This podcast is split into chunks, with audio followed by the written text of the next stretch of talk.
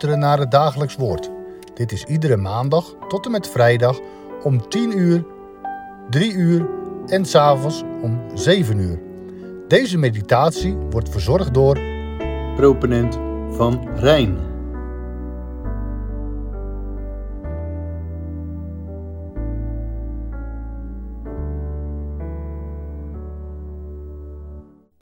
Beste luisteraars, we vervolgen vandaag de stof uit hoofdstuk 22 uit het Evangelie naar Lucas.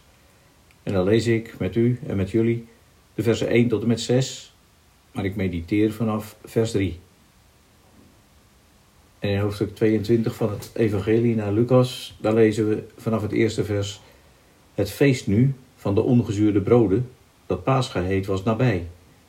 En de overpriesters en schriftgeleerden zochten naar een manier om hem te, om te brengen, want ze waren bevreesd voor het volk. Toen voerde Satan in Judas, die de bijnaam Iscariot had, die bij het getal van de twaalf behoorde.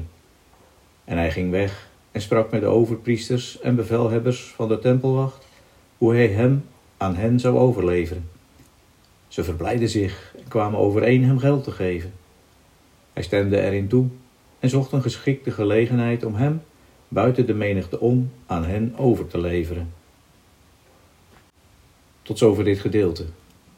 Tja, het feest van de ongezuurde broden, dat is nabij. Het is bijna het feest van Pascha. Daar sloot de overdenking gisteren bij af. Maar dan is er onrust bij de overpriesters en de schriftgeleerden. Dag en nacht zijn ze bezig met maar één vraag. En die vraag is: hoe komen we op een zo'n geslepen mogelijke manier van die rabbi uit Nazareth af? Nee, nee, gewoon ombrengen kunnen ze hem niet, want dat zou een rel onder het volk kunnen betekenen. Maar ja, hoe dan wel? We horen hun hersenen als het ware kraken. Nee, nee, ze zijn er nog lang niet uit, zo lijkt het. Maar dan, ja, dan komt daar, als bij donderslag, figuurlijk bedoel ik dan, een geschenk uit de hemel. Tenminste, zo zullen ze het hebben gezien.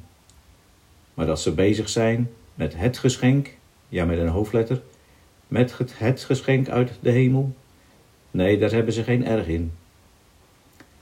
Het gedeelte van vandaag begint met de woorden: Toen voerde Satan in Judas. Ja, Judas. In de ziel van Judas is langzaam het idee gegroeid om Jezus te verraden. Hij heeft de Satan de gelegenheid gegeven en in zijn ziel toegelaten. Ja, de gelegenheid om de boze erin te laten varen. Judas, hij heeft zijn zielenhuis gewillig opengesteld voor al die satanische invloeden. En ja, dan kennen we de geschiedenis allemaal wel. En we hebben het waarschijnlijk ook al vele malen gelezen. Maar waar je misschien zomaar overheen zou kunnen lezen, dat zijn de woorden aan het einde van vers 3. Als de naam Judas is genoemd, dan staat er Judas die bij het getal van de twaalf behoorde. En ja, dan zetten deze woorden ons allemaal voor de spiegel. Ja toch? Jazeker, Judas was dus één van de twaalf.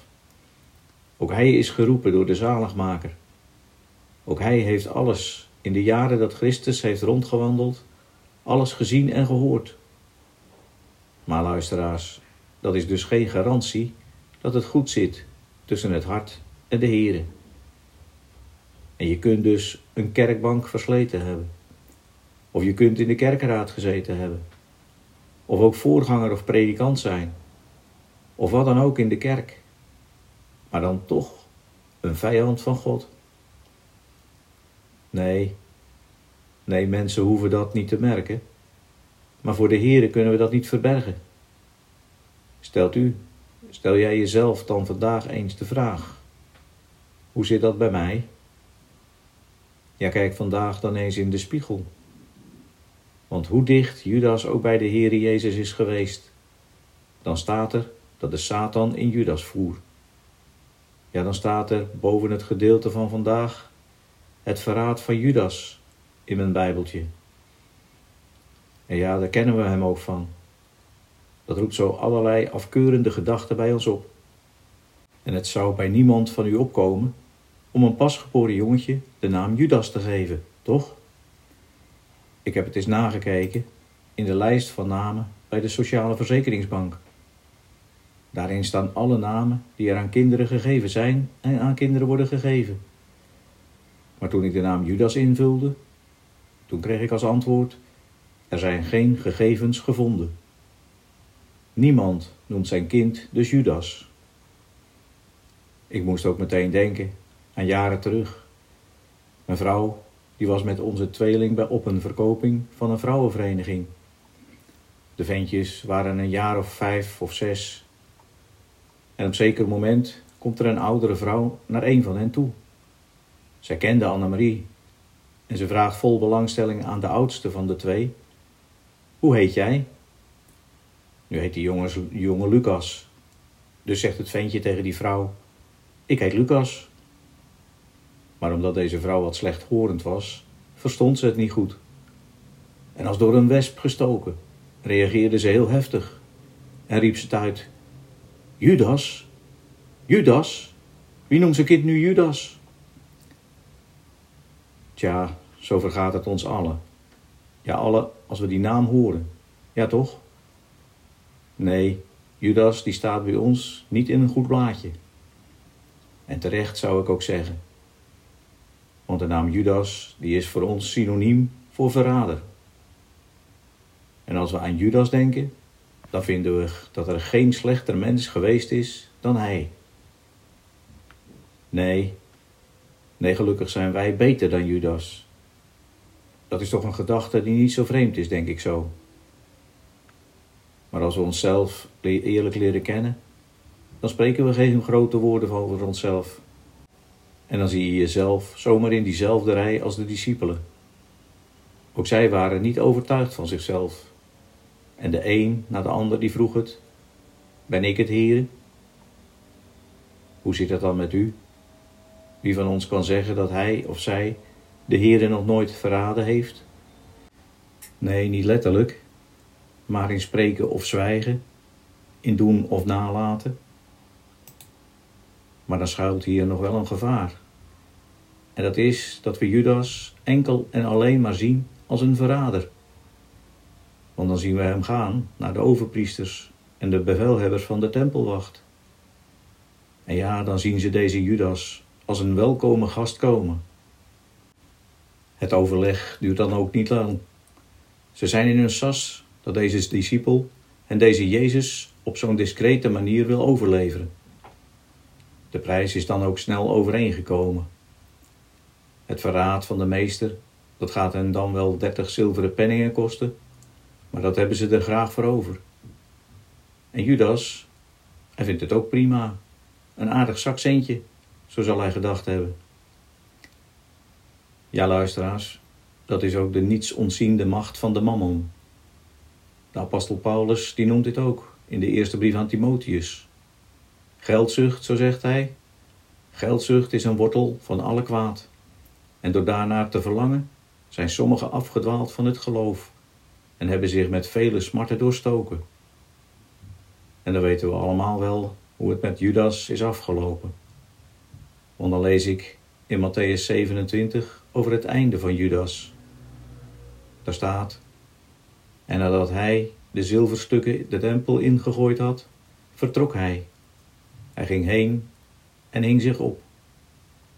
Aangrijpend, vindt u niet? En ja, dan zien we in dit gedeelte dat de afspraak tussen de overpriesters en Judas dus snel is gemaakt. En dat is in de geschiedenis echt een symbool geworden. Als iemand iemand anders verraadt, dan zeg je zomaar: wat is dat in Judas? Het is gewoon een spreekwoord geworden. Maar, luisteraars, door onze aandacht alleen op het verraad te vestigen, het verraad aan de vriendschap, aan de trouw en aan de waarheid die Jezus verkondigde, daardoor missen we wel de werkelijke waarschuwing van wat hier gebeurt. Want Judas, hij was veel meer dan een verrader alleen. In Judas, daar zien we de natuurlijke mens, ja u en ik. Dat is de mens die zichzelf wil handhaven. Dat is de diepste levenshonger van iedereen. En als we dat beseffen, en ons eigen leven zo bekijken? Moeten we ons dan niet diep verootmoedigen? Ja, dan blijft onze veroordeling van Judas wel achterwege, of niet? En dan gaat het vandaag dus niet alleen over Judas, nee, dan gaat het vandaag ook over u en over mij. Dan zien we Judas ook angstig dicht bij ons staan.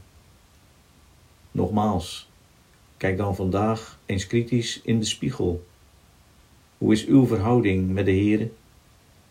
Zitten we nog vast aan macht, aan geld, aan eigen gerechtigheid of aan wat dan ook?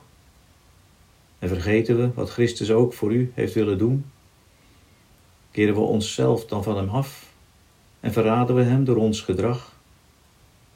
Nee, laten we dan deze geschiedenis van vandaag ter harte nemen, ons verootmoedigen voor de Heere en de Heere vragen of hij ons wil bekeren en voor verraad aan Christus wil bewaren. Amen. We zullen de Heere danken.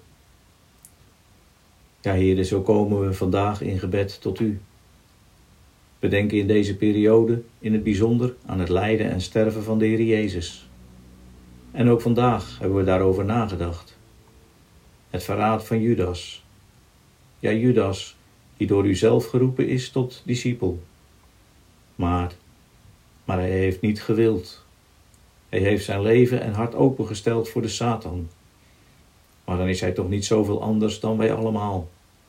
Want ook wij zijn van het heilspoor afgegaan. Ja, wij en onze vaderen tevens. Maar Heere, u hebt ons niet over voor het verderf.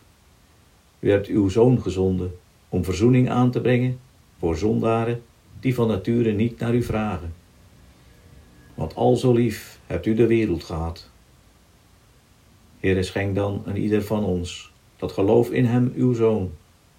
Bewaar ons voor verraad en voor het kwaad. Ja, ook vandaag.